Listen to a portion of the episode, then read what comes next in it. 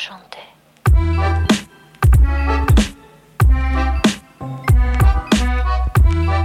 Välkomna, välkomna till Toto 5. Det är den 17 augusti. Det är onsdag, lillelördag i Skåne som man brukar säga och eh, bara vanlig jävla pissonsdag i Stockholm. Eller hur Petronella?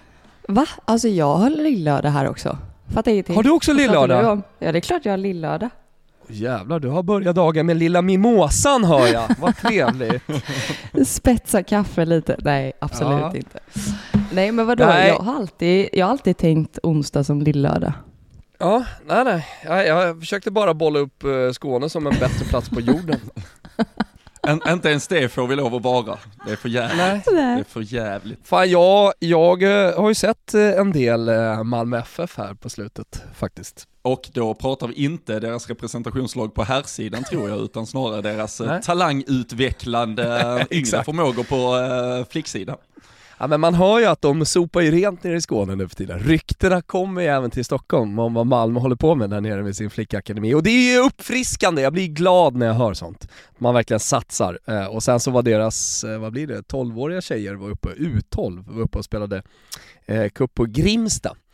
Eh, Volkswagen Cup, det är en sån här klassisk cup som, eh, som BP arrangerar. Eh, Så var jag ute och kollade, då var det ja, men typ de bästa lagen i Sverige i den åldern och så kom finnarna som alltid är så jävla bra på flicksidan tidigt. Sen händer någonting efter de är 15, eh, eller så är det vi som eh, liksom får fram våra dem. spelare lite senare. Eh, nej men, eh, så jag var och kollade på jävligt hög nivå eh, U12-fotboll eh, ute, ute på Grimsta. Så det var jävligt kul. Var kul att se. Och då, hur är det, U12, då är man på fel sida strecket där vi får lov att säga om någon vann eller inte, så vi får bara sitta och säga om alla såg Ja, men- jätteduktiga ut eller? Ja men eh, det, du, du, är, du är helt rätt på det, alltså nu var det här en sån här klassisk invitational cup så att eh, de hade bara tagit in de bästa lagen och eh, jag menar på den nivån kan du börja tävla från 10 år tycker jag. Eh, för, att, för att det är ändå, det, är speciella eh, killar och tjejer. Men eh, man får, man får inte arrangera cup enligt förbunden, det måste ju gå via förbunden. Om du ska, om du ska få, få igenom det liksom. Och då eh, då gör man så i de där kupperna att du, eh, ja men till exempel har två grupper och eh, sen gör du en skuggtabell. Alltså så du gör, du rapporterar resultaten till liksom kuppen. Och sen så eh, i det här fallet då så var det två stycken eh, grupper. Då möter ettan i ena gruppen, möter ettan i andra gruppen. Så det blir som en slags låtsasfinal. Problemet är att eh, eh du, alltså om det blir 1-1 så blir det 1-1. Det är ju bara en match. Det blir ingen förlängning och straffar och sådär. Eh, Men, men det var Malmö FF Bayern i alla fall eh, i, nej det var det inte alls det, det var HIK, eh, HIK Helsingfors Bayern i den finalen, slutade 1-1. Tänkte man, ha vänder nu det förlängning och straffar, nej det är över. Det är Nu går vi hem, nu går vi hem och håller helg här. Exakt. Ja, Exakt. otroligt. Ja, Ja, men hur ser det ut för Malmö, hur ser det ut för för Malmö FF då? Ser det bra ut? Nej, men, ja, det ser jättebra ut. Eh, Det, det, det, det, kommer bli jättebra och som jag säger, det, det kommer... Numera finns det ju två lag, det är klart det finns plats för två lag eh, i, i Malmö som satsar och, och sådär. Men jag står fast vid att eh, ger det fem år så, springer, så har Malmö sprungit om Rosengård. Ja. det står jag fast vid. Ja, du tror det? Ja, det tror jag också. Ja, det tror jag. Absolut.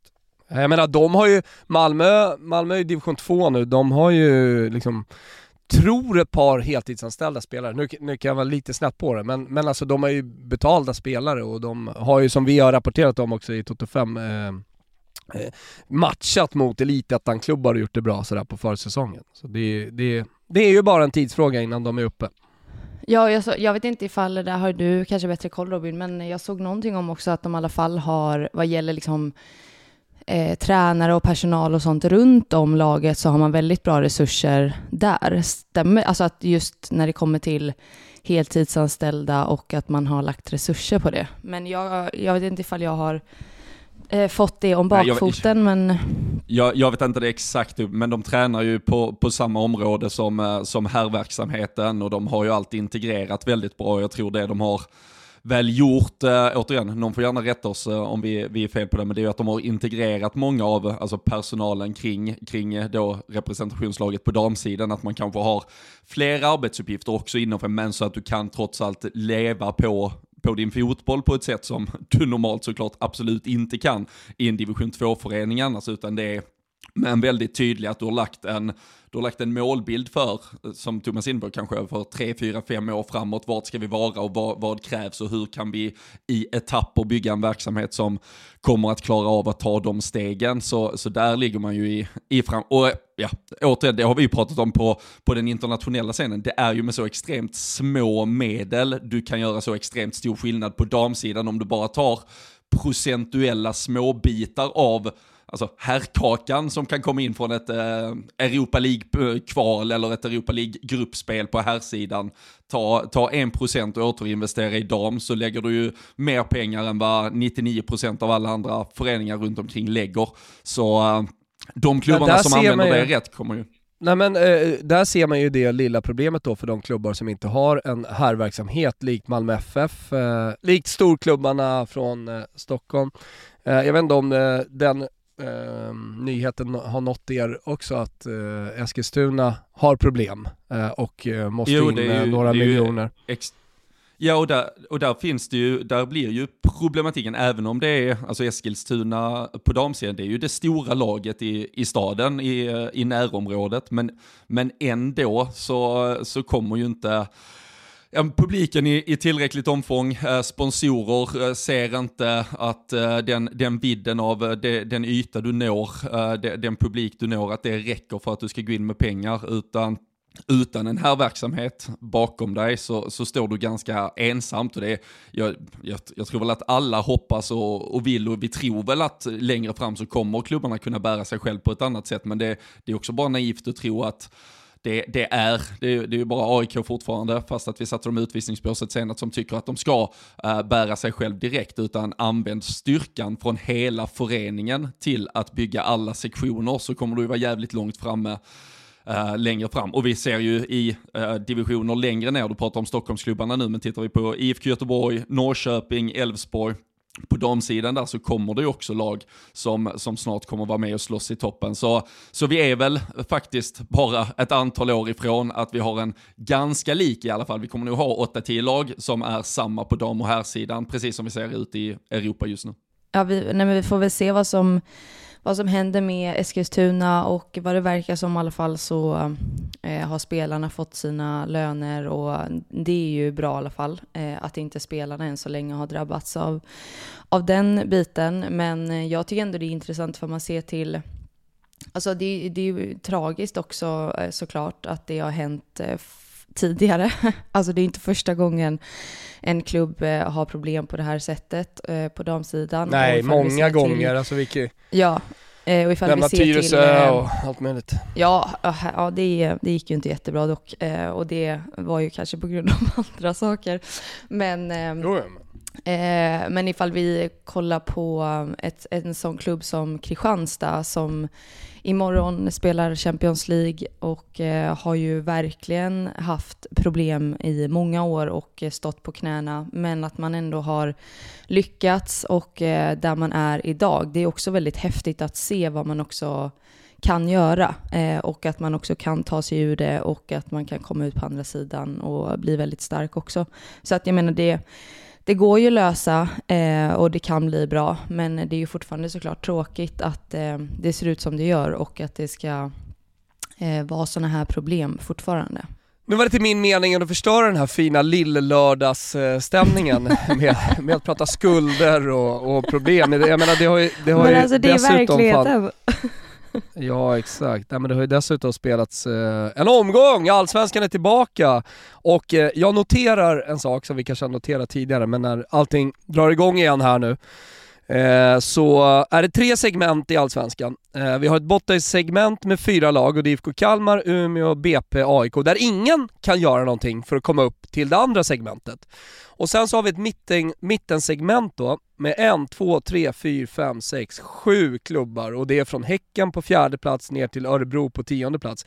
Som ingen kan göra någonting för att komma upp till det första segmentet eller för den delen eh, halka ner till tredje segmentet. Och sen så har vi då en toppstrid med Rosengård, Kristianstad, Linköping där jag också skulle vilja avsluta med att säga, det finns ingen som kan göra någonting mot Rosengård. Ja, men med tanke på att vi har en situation, nu är de väl på exakt lika poäng och Kristianstad har två matcher mer spelade. Det, det är ju det som, eh, som... Sen ska det sägas att två av de här eh, hängmatcherna som Rosengård har, det är ju nästa vecka så har man ju dubbla möten med Häcken och Linköping. Så det är ju lite, mm. jag, jag tror Avskrivningen, avskrivningen och det definitiva uh, beslutet kring huruvida Rosengård har vunnit den här allsvenska serien eller inte, det, det, sätter vi ner om typ tio dagar. Uh, två förluster där, vilket inte ska hända, men det är väl det som skulle kunna ge detta lite nerv och spänning. Men går de in, ställer, ja, men sätter ner foten, visar var skåpet ska stå i de här två matcherna, då, då är ju mycket avgjort. Men sen ska vi också komma ihåg, Nyss besked här ju igår att uh, Caroline Seger väljer att uh, operera sig, uh, hälsenan, missar ju resten av säsongen. Uh, Cankovic pratar vi om förra avsnittet, sen direkt vi hade lagt på i stort sett så kom ju då ytterligare eller mer intensifierade rykten om att hon skulle ha valt Chelsea. Sen har det varit stiltje på den fronten, men att hon är out kan vi väl nog alltså garantera. Alltså helt tyst verkligen. Ja, men det är väldigt mycket märklig silencio stampa kring vad som händer. Det, det, kommer ut en gång i veckan, mm. kommer det ut någonting med att nu är hon supernära. ja, sen, exakt. Sen, så det är mycket möjligt att när folk nu lyssnar på detta och vi precis har lagt på så har alla uppgifter kommit. Men det är ändå ett Rosengård som, som då går in i de här sista äh, drygt 15 matcherna, andra halvan, utan de två på pappret bästa spelarna, men jag, jag, tror ändå, visar man bara styrkan, håller ihop det i de här två matcherna mot Häcken och Linköping som kommer nästa vecka, så, så ska man kunna rida ut det. Kristianstad går in i Champions League-kval från imorgon, eh, torsdag kväll här, eh, vill såklart göra bra ifrån sig där. Eh, det kommer äta lite energi, det är också en ja, men en, en klubb och en, en trupp som kanske inte heller är, är byggd för tvåfrontskrig. Uh, så de har ju imponerat otroligt med, det blev ju nio raka nu, du rättade ju mig senast på att de var uppe i åtta, så nio nu efter uh, Vittsjö-segern inför ett soligt skånskt uh, underbart landskap där mot, uh, mot Vittsjö i fredagskväll. Mm. Så uh, ja, vi, vi, vi väntar tio dagar med att säga att det är avgjort i toppen, men det ser såklart bra ut för Rosengård.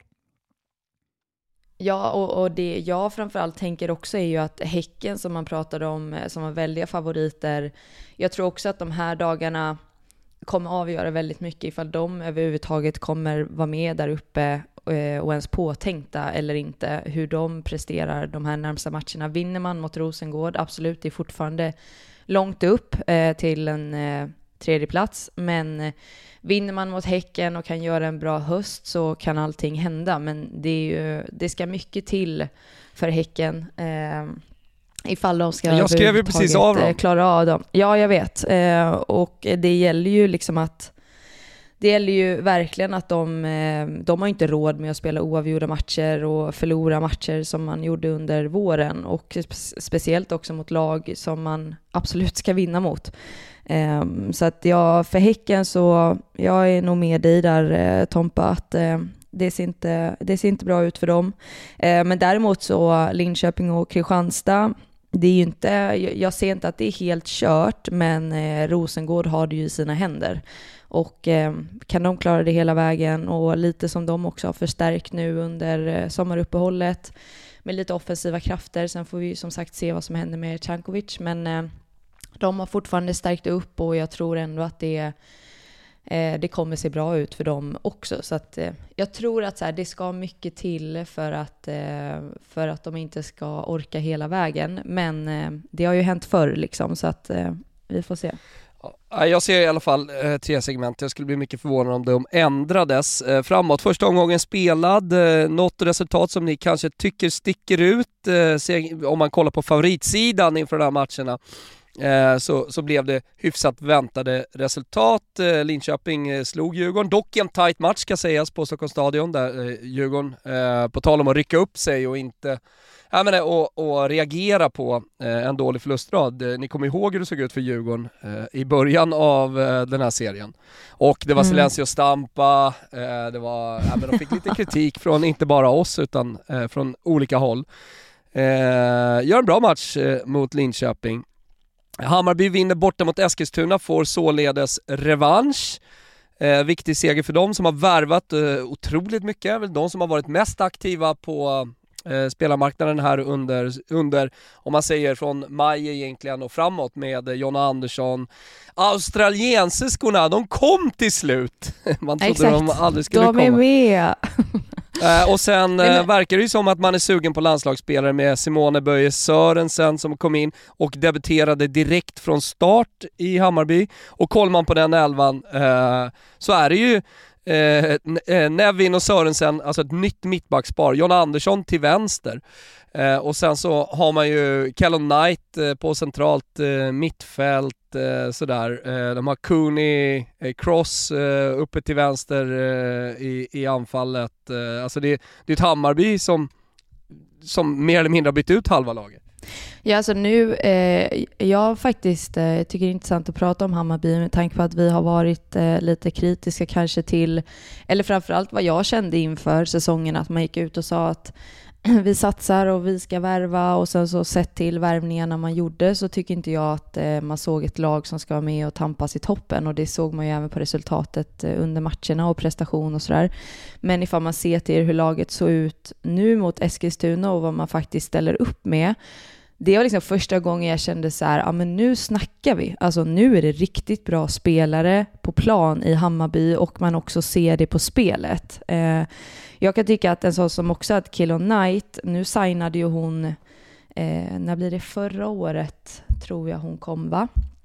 Ehm, men att hon, hon var ju korsbandsskadad då, kom tillbaka, eh, spelade en match innan uppehållet, men sen har hon haft jätteproblem med sitt knä, opererats igen och det har varit jättemycket fram och tillbaka. Jag trodde ärligt talat inte att hon skulle komma tillbaka alls, men att hon nu är tillbaka och man har henne på inmittfältet tillsammans med Cooney Cross, eh, det, det skapar ett så mycket mer lugn i deras anfallsspel. De är sjukt trygga med boll. Kilo Knight styr mittfältet och är otroligt eh, bara trygg och eh, hittar jättefina kombinationer som gör att Hammarby kan behålla boll och ha ett tålamod på ett helt annat sätt än vad man har haft tidigare. Då har det varit mycket bara rakt fram, rakt fram och inte så mycket spelvändningar och bara hålla boll på offensiv planhalva utan nu kan man verkligen göra det eh, och det tycker jag det ger någonting annat för Hammarby och jag tycker att de ser väldigt eh, intressanta ut och sen att man även nu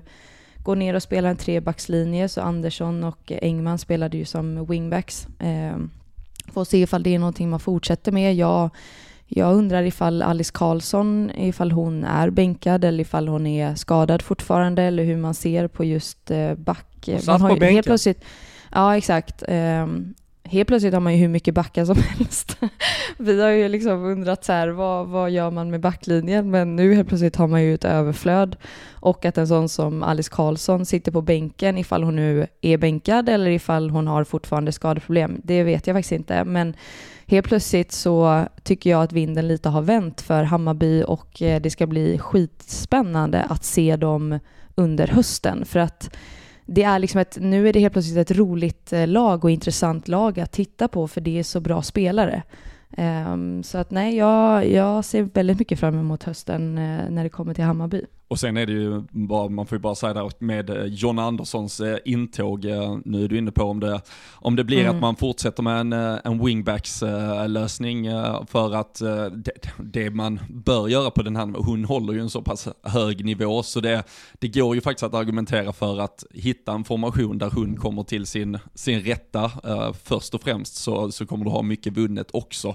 Det, det är ju lite av en, Ja, och sen det är speciellt... lite av, men det är lite av en lyckoträff tänker jag bara med, med John Andersson. För Ja. om vi ska vara helt ärliga, när hon blev eh, klar, eh, vi, vi surrade lite om det innan det kanske i och för sig var helt officiellt, men det var ju redan tillbaka i april, alltså redan inför seriestarten det började pratas om att hon skulle komma under sommaren och då var hon ju faktiskt i ett läge där hon var ganska mycket petad i Chelsea. Hon var absolut inte ordinarie i landslaget, utan från det att Hammarby gör klart med henne egentligen så har ju hon fått ett uppsving på karriären. Hennes vår var ju, alltså hon avslutade som en viktig del i Chelseas lag som knöt näven och, och till slut löste titeln. Vi såg alla hur otroligt bra hon var för Sverige i somras. Vi saknar henne direkt i landslagssammanhang när hon inte var tillgänglig och, eh, och nu kommer hon då in med det här självförtroendet i det här Hammarbylaget som, som om, ja, av allt vi lärde oss under våren, det de behöver är ju trygghet, självförtroende, eh, våga eh, tro på en idé och eh, kan hon någonstans symbolisera eller vara symbolspelaren för ett, ja, men ett Hammarby som tar lite nya steg, som väljer någonting nytt och sen faktiskt hittar något som de tror på till 100% så, så tror jag det kommer att vara jätteviktigt också. Och jag tycker att tittar vi på, på andra hemvändare i andra Stockholmsklubbar så är det ju, alltså John Andersson kommer ju vara, alltså hon kommer ju vara stjärna i den här allsvenskan, uh, både i höst och det, om hon Det enda, enda lilla eh, som jag känner, det är att man varvar ganska mycket här nu. Eh, det är inte direkt kikarsiktet utan det är snarare hagelbrakan som man är ute och sprayar med. Eh, om man kollar på, nu är Rosengård på en annan plats och de leder ligan, de har en eh, otroligt bra trupp. Eh, så det är klart att det är olika förutsättningar men eh, jag tycker ändå sommarens värvning är Olivia Holt som eh, Rosengård varvar mm. från, från Danmark, spelskicklig mittfältare. Och, ja, ja men som, sjukt spännande. Jag, jag, vet eh, många andra klubbar i Allsvenskan med, eh, poten, eh, med, med, muskler, ska jag säga, med ekonomiska muskler också var intresserade av, men det landade till slut i Rosengård. Och där har vi återigen, precis som på här sidan men det är viktigt att spela i Champions League. Eh, ska man ta det där klivet upp och liksom kunna gå för den typen av spelare då, då är det inte bara ekonomiskt att det ger pengar. Jag tror inte att det spelar så jävla stor roll för en klubb som Hammarby till exempel. Däremot för att kunna locka en spelare när det blir dragkamp och sånt där så är det ju viktigt att man, eh, att man faktiskt eh, kommer ut i Europa. Eh, och och dit, dit kommer ju med största sannolikhet inte Hammarby i år. Nej, och vi får ju, alltså, man får ju se där ifall, jag tror ju också att det är eh, för sent och eh, med det sagt så här, jag tycker att man eh, återigen borde kanske ha satsat mer redan innan säsongen för att stärka upp från början. Men nu känns det som att så här, ja, nu har man gjort det här. Jag tycker att Sörensen, sett till också hur viktig hon var i matchen nu mot Eskilstuna, så tycker jag hon gör en jättebra, ja, jättebra match. Och, och, ja, och hon räddar upp väldigt mycket och jag tycker att det är också en sån spelare man har saknat i just backlinjen för att styra upp lite. Att hon faktiskt eh, sätter krav, hon är kommunikativ och hon är en ledare. Och det tycker jag också är någonting som man har saknat bakifrån för att också bara veta så här små grejer. När ska man falla? När ska man stöta? När ska man stå? Alltså, sådana grejer som man kan tycka att så här, jo men som back och har du varit med några år så ska du kunna det, men det har inte riktigt funnits i Hammarby eh,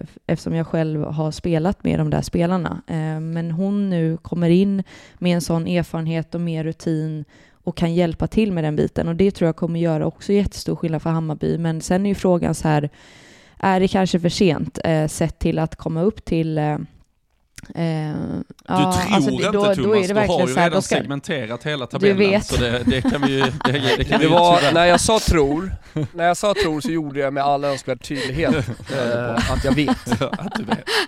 Exakt. Eh, ja, däremot alltså, så tror jag att de kan bli lite, då, däremot tror jag att de kan bli höstens lag, Hammarby. Ja, det tror absolut. jag definitivt.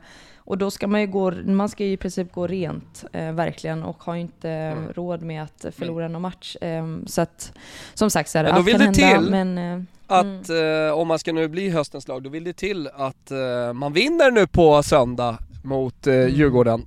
Det är derby på Tele2 och eh, fan, som jag sa, alltså Djurgården de är tosti, de är tunga och svårslagna.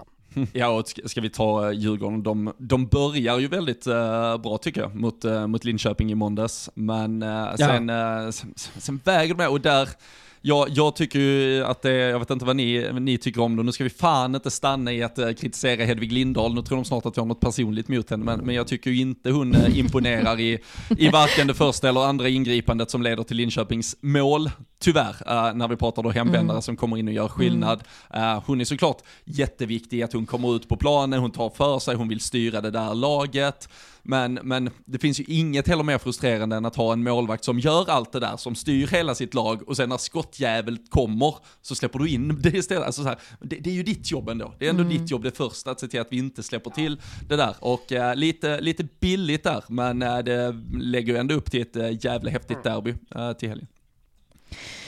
Ja, ja men, och, och jag, ja, men det jag tycker, eh, jag, jag tror ju att så här, Hedvig kommer vara otroligt viktig för eh, Djurgården och framförallt för den backlinjen, ifall vi nu ska fortsätta prata mycket backlinjen, men, men att eh, styra upp och få in rutin, för att där är också sett till hur Djurgårdens backlinje har sett ut så har den blivit absolut bättre och bättre under våren. Men eh, i straffområdet har det ju sett väldigt rörigt ut många gånger och eh, man har inte riktigt koll på spelare. Och eh, det är också en sån grej nu som Vansgård, som eh, Emily Lögren har koll på henne, hon ligger på henne hela tiden och sen så får hon ändå komma före i straffområdet och göra mål. Alltså det, det ska inte få hända, du ska bara bort med bollen.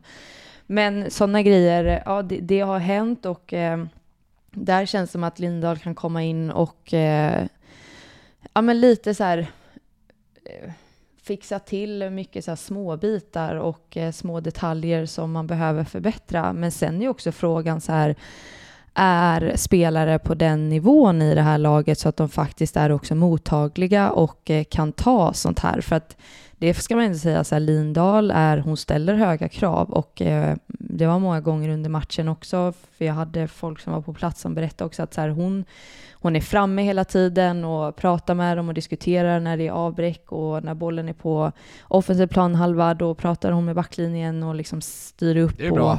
De pratar är väldigt aktiv, ja absolut, men där är också så här, och det kan ju jag, jag kan tycka så här, är du på den här nivån ska du kunna ta kritik och du ska kunna ta sådana bitar, men alla gör, kan ju inte det. Och det kan ju också bli en väldigt stor skillnad att helt plötsligt från ingenstans så kommer det någon och ska ställa krav och så här, men då gäller det men det också måste ju ändå vara det måste ändå vara favorit på att det är positivt, att det kommer in en, ja, jag, eh, alltså, jag ser en, också en det som... profil och, och, och använder sin erfarenhet ute på planen och pratar med dem, även om det är ett hårt, eh, alltså kravställande på den här nivån kan man, kan man ju nästan inte ens ifrågasätta.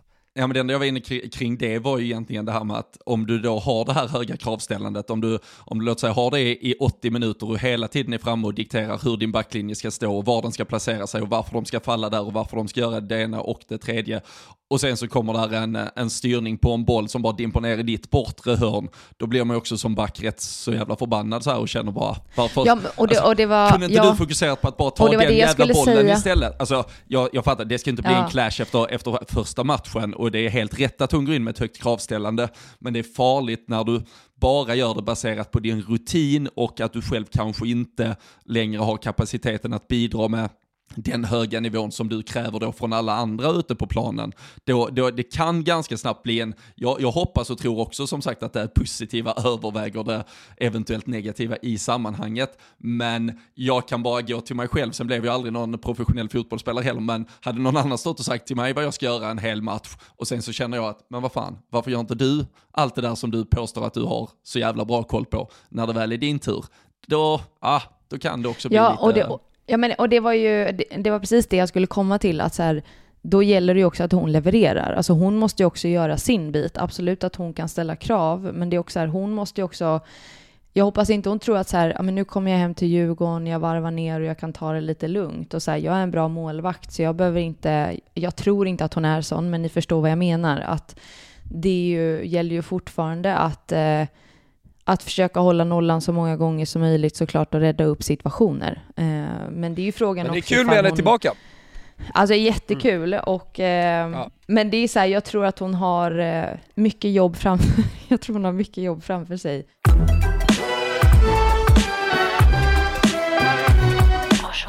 Vi är sponsrade av Heineken Alkoholfri och jag tänker att eh, det är sommar fortfarande. Jag tänker att det är många som behöver släcka törsten.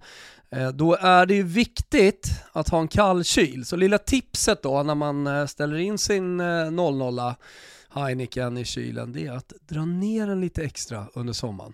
Eh, man kan trots allt styra mellan, det brukar vara mellan 8 och 0 grader. Jag brukar dra den på max nu under sommaren, alltså max kyla. Då blir din Heineken 00 godare. Och så fortsätter ni att eh, njuta av eh, en fantastisk sommar tillsammans med Heineken Alkoholfri och Toto 5.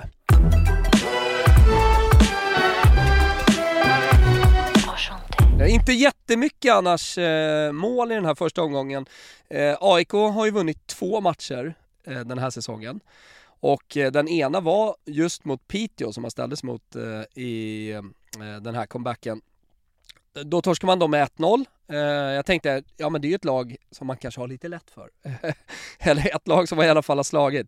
Men det ville sig inte riktigt. Torsk 1-0, Umeå, Kalmar 1-1 och sen så slog Kristianstad Vittsjö. Är det någonting från de matcherna som ni tycker sticker ut eller någonting som ni känner, där där vill jag kliva in. Ja men två, två saker jag vill kliva in på egentligen och det, det är väl för det första för att ge mm. Eh, Hedvig Lindahl eh, lite upprättelse och för att uh, nämna matchen som uh, jag tror du glömde i uh, det lilla svepet där, det var ju Örebro mot Brommapojkarna också. Med ja, Ma Maddie Talbot, Maddie Talbot. som gör debut för BP oh. och om uh, vår uh, gode vän eh, uh, Marcelo uh, pa Papi Papi Fernandes uh, sliter det sista lilla hårstrået han har kvar på skallen om det är något. Uh, så alltså fy fan vilket haveri till debut. Det är, um, alltså jag vet att om folk, har folk nu inte sett det så får man väl surfa in på Viaplay och plocka fram highlights-paketet från det. Men eh, alltså, eh, det är en, ja, vad är det egentligen? En förlupen eh, djupledsboll från egen, eh, egen planhalva ja. från Örebro som hon missbedömer. Den går ju knappt i styrfart och hon eh, slänger sig helt fel, snubblar till. Jag vet inte vad hon gör, men eh, den, den rullar ju rakt alltså, in. Alltså vad händer där? Jag, jag förstår, jag liksom, förstår, och allt ser ut att gå i slow motion. Och det, ingenting. Alltså hade, ja. det, hade det här kommit från Uh, nu ska vi inte skämma, men, men det finns ju lag på här sidan i typ division 2-sammanhang och jag tror att uh, Thomas vet i alla fall alla jag refererar till där man pratar om ja. Upp, ja. uppgjorda matcher och annat. Jag kan säga den här, den här sekvensen, den hade snurrat på sociala medier uh, tills, uh, ah, tills uh, hela, hela internet sprängdes i stort sett. Men uh, det är så, och sen, alltså först det och sen de släpper ju in tre bollar till och hon, hon går ju inte från klarhet till klarhet och det ja, jag vet inte hur mycket förtroende de, de har lagt i henne och hur mycket hon är tänkt att komma in och, och rädda någonting den här hösten. Men uh, det här var kanske den uh, absolut uh, sämsta debut någon någonsin har stått för. Men jag är också förvånad för så här, jag tycker inte att, jag tycker inte att Lovisa Koss eh, har gjort en dålig vår egentligen. Eh, så jag blev också förvånad att man har tagit in nu Talbot och att hon ska stå istället. Det verkar ju som det är tänkt det. Nu får vi ju se efter, efter den här matchen. Men, men äh, väldigt äh, jobbig debut. Alltså det var så mycket, jag, jag fattar verkligen inget. Alltså jag satt som ett frågetecken för man vet inte ens vad man ska säga om det. För att jag har, jag har ingen aning om vad som händer liksom. Eh, det, alltså är hon inte där eller är hon helt, alltså hur kan man, om du är också så här, är du målvakt på den nivån, hur kan du då missbedöma en sån boll? Alltså jag jo, fattar ä, ingenting. Nej, och även, Men, om du, ja. även om du missbedömer den så känns det som det är så otroligt mycket tid till att uh, rätta till allting också. Ja. Uh, så det är allt, ja. nej det är otroligt. Men uh, ja, det är väl, det är väl eventuellt men, uh, Det var den ena grejen Robin. Ja, och det är väl eventuellt... Du har två grejer. Ja, men precis. Det är väl eventuellt då Honkanen i Umeå som, som ger Maddie mm. Talbot lite upprättelse, för uh, var det en som då släppte in ett alldeles för billigt mål så var det ju en som brände vad som borde ha varit ett självklart mål. Och även oh, om du, vi har ju segmenterat det där bottenriket tidigt här och när det då står 1-1 mot en bottenrival i 89 minuten så är det ju en jäkligt dum idé att bränna helt öppet mål. Um, ja, alltså det, jag hade nej. skrivit in 2-1 där. Ja. Nej, men alltså det, det är ju mål. Alltså det, hon, är, hon är förbi, hon har öppet mål, det är två meter fram. Fattar, det är bara att lägga in den. Uh, men uh, ja, så lite av hjärnsläppens Men där får man ändå säga, omgång. Ja, verkligen. Och på tal om just hjärnsläpp, Aubrey Corder som, jag vet inte vad hon håller på med, också snubblar på boll och ska börja dribbla som sista. Och, eh, så också man blir så här, vad är det som pågår alltså? Men att hon räddar upp den är ju helt otroligt. Eh, sen kan jag tycka så här, förvänta mig mer av Honkanen i det läget, alltså in med bolljäveln i mål, ja, vad är problemet? Ja, alltså jag, kan, jag kan inte ge det till målvakten för att reda upp det, det där är, Nej. det där är, det är en miss. Jo, att hon kommer tillbaks, ja, jo, alltså att hon ändå liksom, men, hon ja. gör ju allt, men det ska ju inte hända, alltså hon ska ju inte klara av att rädda upp den, för det ska ju vara mål. Men ja, 1-1, alltså viktiga poäng för Kalmar och eh, Umeå såklart, alltså alla där nere behöver ju ta poäng och det är ju liksom, ja det är ju 10 poäng på Kalmar, Umeå 8 och sen BP AIK på 6. Så att det är ju verkligen så här varje vinst kan göra jättestor skillnad om kan man nu kan ta de poängen. På, ja, ja, och så kan vi påminna om att det är stor skillnad på trean i uh, elitettan som får kvala mot uh, tolvan då i uh, damallsvenskan. En, en liten grej bara som avslutning, vi ska ta oss lite, eh, vi ska ta oss internationellt. Bara, jag bara ställer frågan rakt ut, om man ser på den här tabellen eh, och ser på de här olika segmenten som jag inledde med. Eh, var det verkligen rätt att utöka allsvenskan till 14 lag? Ja, jag, Alltså- har funderat, jag har funderat på det där också. Alltså, alltså grejen är så här, man gillar ju man gillar ju att det är fler matcher och som spelare gillar man ju också att det är fler matcher, att det är mycket matcher och sådär. Men sett till lite hur det har sett ut och att det, eh, det är så stora glapp tycker jag mellan vissa lag. Eh, nej, kanske inte alltså. Nej, och man hade ju, det hade ju framför, nej, och man hade, nej, inte så som, eh, som lagen verkar eh, ta, ta sig an detta. Eh, det är ju många lag som, som tror att man med, först med så pass små medel ändå ska kunna haka sig kvar i allsvenskan nu. Hade det varit lite eh, mer konkurrens så hade man vetat att det krävdes lite mer investeringar kanske. Så eh, lite, lite för, det blir lite för lätt för ett lite för dåligt lag att stanna kvar i allsvenskan eh, inför kommande säsong. Påminner då om att just nu på tredje plats i Elitettan ligger Allingsås. Du nämnde det tidigare, vi vill ha upp de klassiska stora klubbarna som även kan hämta hem lite pengar från här verksamheten. IFK Norrköping på fjärde plats, Mm. tre poäng bakom Allingsås. Kanske kan kan de bli höstens lag. Och sen eh, annars då etta, tvåa där, Uppsala, Växjö. Min gode vän Arris, han har tagit över Älvsjö. Eh, det måste ju vara eh, ett hopplöst uppdrag. det måste vara ett, eh, ett eh, nej men det måste vara ett långsiktigt projekt även till nästa, till, till, liksom, till nästa år också. De har ju alltså tre poäng eh, på 16 matcher. Herregud. alltså. Eh, Älvsjö- Älvsjö AIK, gamla klassiska storlaget som en gång i tiden hade något samarbete med Djurgården? Exakt. Ja, just det. Just det, Djurgården-Älvsjö. Ja. Det var väl där, Gamla Ja men de ligger dyng sist. Ja, Victoria Svensson eh, öste väl på mål för eh, den Precis. kombinationen eh, Jajamän. under några år. Hörde att hon spelar eh, division 4 fortfarande. Det uppskattas. Ja, hon har, ja. Någon som kör, hade lite med, mött kör lite med A-landslaget och sen kör hon lite division 4 på, på Ja. sidan. Det är kanon. Ja, eh, annars ett lag där som jag tycker får rycka upp sig, kanske göra ytterligare en satsning, det är ju Jitex va? Eh, de Ja. ligger på sjunde plats nu och de är ju liksom, eh, de, det är ett bra lag, det är en bra klubb. Anrika. Och, och, eh, på tal om anrika med eh, Pia eh, Pia och alltihopa, precis. Eh, men, eh, men de ligger där och skvalpar precis bakom den absoluta toppen här sedan några år tillbaka. Jag tycker att det här lilla, lilla upprycket där från Jitex, de hade jag gärna haft upp. Och du vet du varför Robin? Nej, det vet jag inte. De är lila. De är lila. Ja, Ja, exakt. Varför, det, jag får inte den frågan. Det är liksom så här, ja Robin, men här sitter jag på svaret liksom. Ja, Ja. nej det var, det var svårt. Men, alltså, men däremot, så här, det, det jag kan tänka mig är att, så här, att man nu har utökat serien på tal om liksom, de lagen du pratar om och sådär. Däremot så tror jag att eh, efter den här säsongen så Ja, men att det på kom- sikt kan kommer bli ju... Ja men så här, jag tror att lag underifrån kommer ändå, när man tittar på då eh, allsvenskan i år så kommer man ändå förstå underifrån, hoppas jag, att så här, det är inte bara att gå upp och vara glada för att vi är i allsvenskan, utan det kommer, det kommer också krävas väldigt mycket för att hålla sig kvar.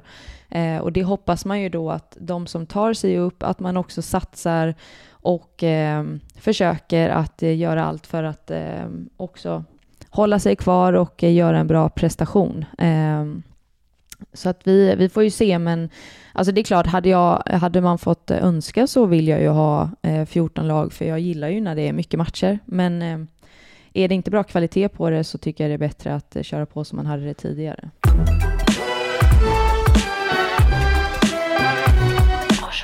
Eh, vi eh, tar oss vidare från den svenska bollen tänker jag och eh, kikar till den internationella. Påminner om att säsongerna har ju inte dragit igång än. Däremot så pågår det ju en kapprustning höll jag på att säga, men man bygger sina trupper just nu och det har hänt lite grejer, eller hur?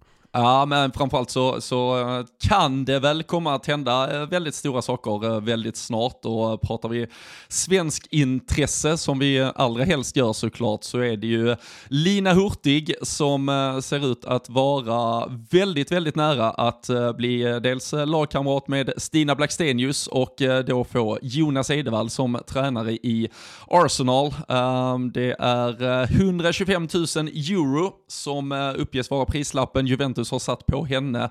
Och eh, det kittlar ju fan ändå lite att det eh, potentiellt kan vara Stina Blackstenius, Bet Mead, hela EMs eh, stora favoritspelare och eh, Midema då tillsammans med Lina Hurtig i en eh, offensiv eh, på, eh, ja men i Gunners offensiv helt enkelt till hösten. Och eh, anglofilen i mig blir ju såklart väldigt glad att det är. VSL som, eh, som spänner musklerna och eh, fortsätter göra de här värvningarna. Ryktas ju även till exempel, vi ska väl stanna vid Line Hurtig, men att eh, Chelsea ska ha lagt ett världsrekordbud på Grace, eller Grace Gayoro, som vi alla känner igen från hattricket hon gjorde i premiärmatchen mot Italien för Frankrike i somras. då är det fem, 500 000 euro, så alltså 5 miljoner.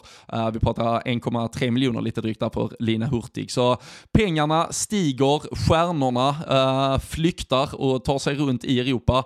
Men uh, Lina Hurtig framförallt till uh, Arsenal gör ju att, alltså den kapprustningen, Arsenal-Chelsea och att det dessutom är så mycket svenskar involverade i det som ser ut att bli en otrolig toppstrid i England gör ju att taggen på den ligan ökar ju ännu mer. Ja, men och sen tror jag, alltså för Hurtig, att eh, nu får vi se vad som händer, men om hon skulle gå till den engelska ligan så tror jag att det skulle vara sjukt bra för hennes utveckling och sett till liksom den spelartypen hon är så kan jag tycka att engelska fotbollen gör mer gott för henne än den italienska. Eh, det är bara min känsla och vad jag tror. Så får vi se henne i eh, England så um, tror jag att vi kan få se ett lyft från Hurtig. Jag hoppas verkligen det. Så spännande att se nu vad som händer här framöver. Ja, alltså, alltså som sagt, Black, Blackstenius längst fram, Betmid till höger, Hurtig vänster och eh, Midema som eh, Midema ligger tia där, där och, och ligga och bara fiska upp och, och, och, hitta bollarna till, till de här. Det, uh, Eidevall uh, bygger något uh, bra där borta också inne i norra London, så det, det får man fan ja. ge dem. Så. Det känns som att alltså, många vässar man verkligen, eh, vad säger man, spänner åt bågen, säger man, säger man så? Man kan spänna bågen, inför, absolut. jag spänner bågen. Nej men inför ehm, eh, Champions League, alltså det känns som att så här, lagen går för det, att eh, vinna ligan, gå för Champions League, man vill ta sig längre. Alltså Chelsea har ju verkligen satsat och får man in både Giro och eh, eventuellt Cankovic, eh, eller om det är en av dem, jag har ingen aning hur det ser ut och vad tanken är, men jag menar, det är, inte, det är inga dåliga spelare som Chelsea har värvat och även Arsenal, ifall man stärker upp ytterligare, så de går ju verkligen för det. Um, och så har vi ju då redan eh, City som gör sitt och alltså det finns ju många bra lag i eh, den engelska ligan i år, så den, eh, jag tror den kommer bli riktigt bra också med tanke på då att England tar guldet och de spelarna som spelar i det laget och den nivån de har haft som vi har sett under mästerskapet också. Alltså det, det kommer bli en riktigt bra liga. Mm. Ja, verkligen. Och jag noterade, bara parentes eh, också, att eh, Emma Holmgren eh, som har suttit fastfrusen på Lyons bänk, ofta till och med som tredje alternativ, ryktas också vara på väg till, till England, Leicester. Så kan ju vara att hon får fart på karriären i England alltså, också. ja, och där, det, det, där tror jag också, jag läste någon intervju med henne att Nej men när Endler skadade sig eh, så um, läste jag någonting om då att eh, Holmgren hade fått eh, till sig att så här, nej du, du kommer inte stå för du kan inte språket. då är man ju också så här, då kanske det var riktigt bra, rätt lag att välja ifall du inte kommer stå för att du inte kan språket. Jättekonstigt ifall det Kanske var en markering för att tycker att hon har pluggat för dåligt. Ja, verkligen. Men eh, jag tror att, att eh, jag blev förvånad. Jag fattar att så här, man vill gå till en bra träningsmiljö och sådär, men hon har ju verkligen inte fått spela överhuvudtaget. Så att eh, för henne att gå till Leicester då eventuellt och eh, få speltid tror jag är det absolut viktigaste ifall hon eh, ska ha någon chans överhuvudtaget i landslaget framöver. Eh, blickar vi framåt då, finns det något eh, ni ser fram emot? Kanske ångestmötet eh, AIK-Umeå eh, som eh, stundar här i helgen? Nej, det... Eh, eller varför inte då? Eh, vad gör Brommapojkarna? Vad gör Marcelito Fernandes egentligen när han åker till Linköping? efter 0-4 oh, i första, för, förra mötet. Uh, ja, och sen har vi segmentsmatchen Vittsjö-Eskilstuna, betyder precis ingenting Nej. för någonting i den här tabellen. Uh, och Piteå ska försöka liksom brotta ner Rosengård som kliver in i uh, eh, damallsvenskan igen med, som du sa, bara 15 matcher spelade in till den här omgången. Nej men exakt och sen, eh, sen eh, rasslar det ju på för dem med, med ett ganska intensivt schema. Champions League drar igång redan i, imorgon och sen är det ju olika, det finns ju den här mästarvägen och så finns det de övriga lagen, lag som har kommit tvåa, tre, fyra och sådär beroende på lite ligastatus som startar i olika segment. Men jag, jag tänker också innan vi bara blickar hem, går tillbaka helt till Sverige, Ballon d'Or-listan har ju kommit också. Den, eh, ja! den känner jag att vi bara måste ta ett litet ja, kort eh, stopp vid. Eh, dels framförallt för att gratulera såklart Fridolina Rolfö till att hon är med på listan över de 20 som potentiellt Verkligen. kan vinna priset. Det är väl någon vecka kvar tills, tills man förkunnar vem som vinner. Men den stora snackisen här, vi kan ju prata lite sen vilka vi tror i så fall kanske kan vinna och hur vi tror det slutar. Men Kira Walsh som man satt och hyllade vecka efter vecka under mm. Eh, hela EM. Um, ehm, alltså, är det någon, uh, någon lärdom man har dragit historiskt på, uh, framförallt här sidan där vi har mer att luta oss mot, men även på dam på senaste tiden, alltså mästerskapsinsatser ska ju väga tungt. Kira Walsh, ja, bäst av alla kanske hela den här sommaren, ah. och hon är inte med bland de här 20 uttagna. Det är jävla, jävla märkligt. Men ehm, kanske också då, defensiv mittfältare, de blir kanske uh, förbisedda lite för ofta. Det är samma som mittbackarna och andra positioner. Jag vet. Jävla skit. Nej, men, och jag, jag, håller med och det, och det känns som att man så inte alltid ser faktiskt, för, för alltså den betydelsen hon har och eh, det hon gjorde bara, bara den säsongen hon har haft i City, men även under mästerskapet, det är en fantastisk spelare. Jag hyllar ju Bon Mati ofta eh, efter Putellas i Barcelona, men eh, och hon har, jag tycker att hon och Walsh har lite så här, de har lite samma spelstil och påminner om varandra. Och jag vet inte ifall det handlar om att Walsh inte gör så mycket poäng kanske, eh, ifall det är det, det som överväger göra i den positionen. Nej, nej, jag vet, men, men det känns som att ifall man tittar på några andra av de här namnen då, så känns det mer som att det kanske är då också poäng som överväger än vad det faktiskt är prestation och betydelse för spelaren på plan. Förstår ni vad jag menar? Det hade varit anmärkningsvärt om det var så. Ja. Eh, jo, men alltså, det känns som att... Då, ifall... då, är det, då, då är tuff för Courtois att vinna i år. Ja, ja nej men jag, ja, och men ja. jag, jag, tycker att eh, ifall man tittar på de andra namnen så det är mycket poängspelare, absolut bra prestationer också, men eh, det är mer poängspelare än vad det kanske är då en sån som Wall som har eh, enorm betydelse för laget ute på plan. Hur, uh, vilka, vilka vad håller du för favoriter Frid, uh, Petro? jag gillar ju Bon Mati. Men, men har hon, eh, alltså, nej, men, eh, skymundan av Putellas i Barcelona och eh, ja, att vet. Spanien nej, trots allt Putellas. bara gick till kvartsfinal. Nej, jag vet. Det räcker ju inte. Men tre, fyra, fem, Det måste bli en, engelsk, en av engelsmännen. Alltså, nej, men det, det är där är ju, jag tycker Putellas är, är före Bon Mati ifall man ska bara se till den spanska.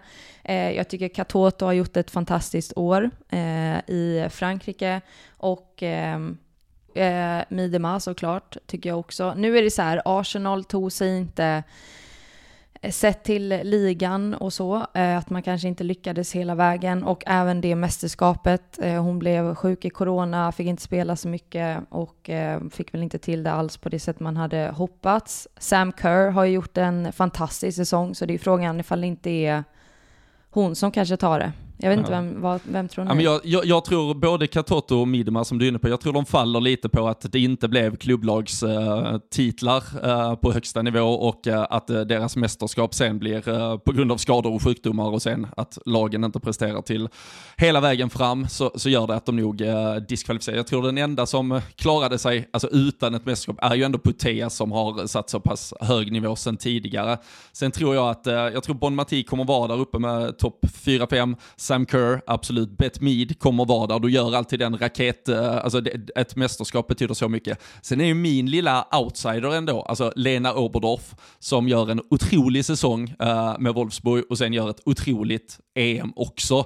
Det är ju det är titlar emot uh, lite, alltså det skulle ju blivit vunnit ja. lite mer. Känner man inte att Känner man inte att det problemet för de engelska toppspelarna offensivt är att de inte spelar i eh, titelvinnande klubblag. Exakt, och, det, Alltså, och framförallt kanske det här med att... Ja. Alltså både Mead, Hemp och White liksom. Ja, och Mid är ju bäst, eh, alltså hon är ju absoluta bästa poängplockaren och den som sticker ut i, i alltså för Englands del så sett under sommarens mästerskap. Men jag tycker Ja. ändå inte att spelmässigt hon är kanske varken bäst eller viktigast.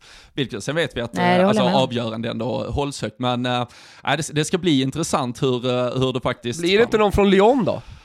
Ja, då har du ju Ada Hegerberg, ju du bara, har alltså är Renard, du Ja. har Endler eh, är med också till exempel. Men har de verkligen varit tillräckligt bra? Eh, ja, nej. Nej, jag tycker inte, jag tycker inte att, eh, jag tycker inte Hegerberg går före en sån som Sam Kerr exempelvis. Det tycker jag inte. Nej, kanske att Sam Kerr vinner lite på att inte ha spelat EM. Att hon inte har liksom någon, eh, något Ja. mästerskapsprestation Ja, att, eh, som då kan... Ja men där har vi det ju. Ja, kanske. Vad fan. Ge det till Sam Kanske Men Sam också- Kerr då, då väljer något med engelskt. Eh, ändå anmärkningsvärt tycker jag, häftigt att se Trinity Rodman ändå på 20-listan också, att hon tar sig in där. Ja, fan, vi får inte glömma bort jänken. Alltså, Eh, fan, Rodman. Jag har ju varit, Ja, men, ja, men det, här, det, efter, efter Gotia Cup så, så är kanadickerna och jänkarna alltså, helvete, det, det är där fostras det fotbollsspelare och eh, det, det är lätt att glömma bort uh, jänkarna ja, faktiskt. Alex och, Morgan, eh, är, hon, Alex Morgan eh, är ju hon är ung, hon är precis kommit igång men ändå. Ja, Exakt, Alex Morgan är ju kvar Mm. på listan också. Och det, här känns det, med Trinity, alltså Trinity Rodman är skitcool, skitbra, kommer säkert vara fantastisk Ja, men länge. det är ingen som ska Ja, vara, det är är- ingen som ska vara med efter, nej. Nej, de är lite skohornade in här för att vi ska, vi ska ha lite jänke-representation. Börjar vi komma dit? Ja, Är det en spaning? Alltså börjar vi komma dit att de amerikanska spelarna måste komma till eh, Europa om de ska tas på eh, stort allvar? Ja, det- Och de stora pengarna kommer börja finnas ute i Europa, så är det absolut. eh, till skillnad från den jävla collegebollen och allt skit de spelar borta, borta i staterna. Eh, vad- vad tror vi där? Ja men det tror jag absolut. Det, jag, jag tror att vi är, vi är inte många säsonger bort från att det är eh, de, de absolut eh, bästa även där borta uh, spelar sin fotboll här regelbundet. Och att det är slut på de här jävla lånen in och ut mellan där du spelar dubbla säsonger för att få ihop ett eh, tillräckligt bra lönekuvert i stort sett. Det, det får fan vara stopp med det nu utan kom hit här och spela europeiskt. Nu ska vi, uh, värnar vi den europeiska storfotbollen här nu och, och tycker att vi Vet ska du ha vad jag känner då? Uh, Rodman till Liverpool, vad säger du? Hon hade inte, Åh, hon hade herregud. inte trivts på Merseyside. Herregud. Hon hade, hon, hade växt, hon hade växt ur den staden på en kvart, tror jag. Den, eh, och den, den är inte är mer, alltså, den är inte till, Rodman, Rodman är lite mer typ Barca för mig. Alltså, det är bara känslan jag får. Alltså lite mer sol. Eh, hon är lite mer liksom... Låt oss se, låt oss se. typen. Det finns många sydamerikaner och många spelare. Alltså i slutändan så är det pengarna som, eh, som styr, inte om det är 20 grader och sol. Nej, Eh, vi Det se, ska, det ska se. gudarna veta. Vi får se. Hörni, eh, fan vilken trevlig timme vi har haft. Eh, Fortsätter att uh, göra Toto 5 här genom hela hösten. Mycket spännande. Eh, Internationella ligorna ska komma igång, men framförallt transferfönstret är öppet. Allsvenskan rullar på. Stort derby i helgen i Stockholm. Alla Djurgårdare och Bajare, det är bara att ta sig till Tele2 och stötta era lag där. verkligen. Så uh, tar vi helg höll jag på att säga. Mm. Ja, då tar vi helg. vi tar Det är lillördag i alla fall. Lillördag. Det är Då lillördag. tar vi, tar vi lillördag. Och jag noterar bara en sak eftersom vi pratar om att vi vill ha upp de stora lagen. Jag kommer fortsätta vara så vi får liksom småstäderna och de mindre eh, Eh, historiskt sett i alla fall, klubbarna. Helt enkelt köpa det, eh, den åsikten. Men Malmö FF har nu 101 eh, plusmål Mm. i division 2, Åh, på väg upp mot division 1. Och IFK Göteborg 70! Ja. Eh, så eh, båda, båda lagen går rent. Eh, 13.00 för eh, Malmö FF och 14.00 för IFK Göteborg. Nu kommer de, Ja. elefanterna. Ja, det tågen- var bara avslutningsord. Verkligen. Jajamän. Underbart. Hörni, vi hörs igen nästa vecka. Det gör vi. Ha det fint. Vi hörs. Ciao. Ciao. Ciao.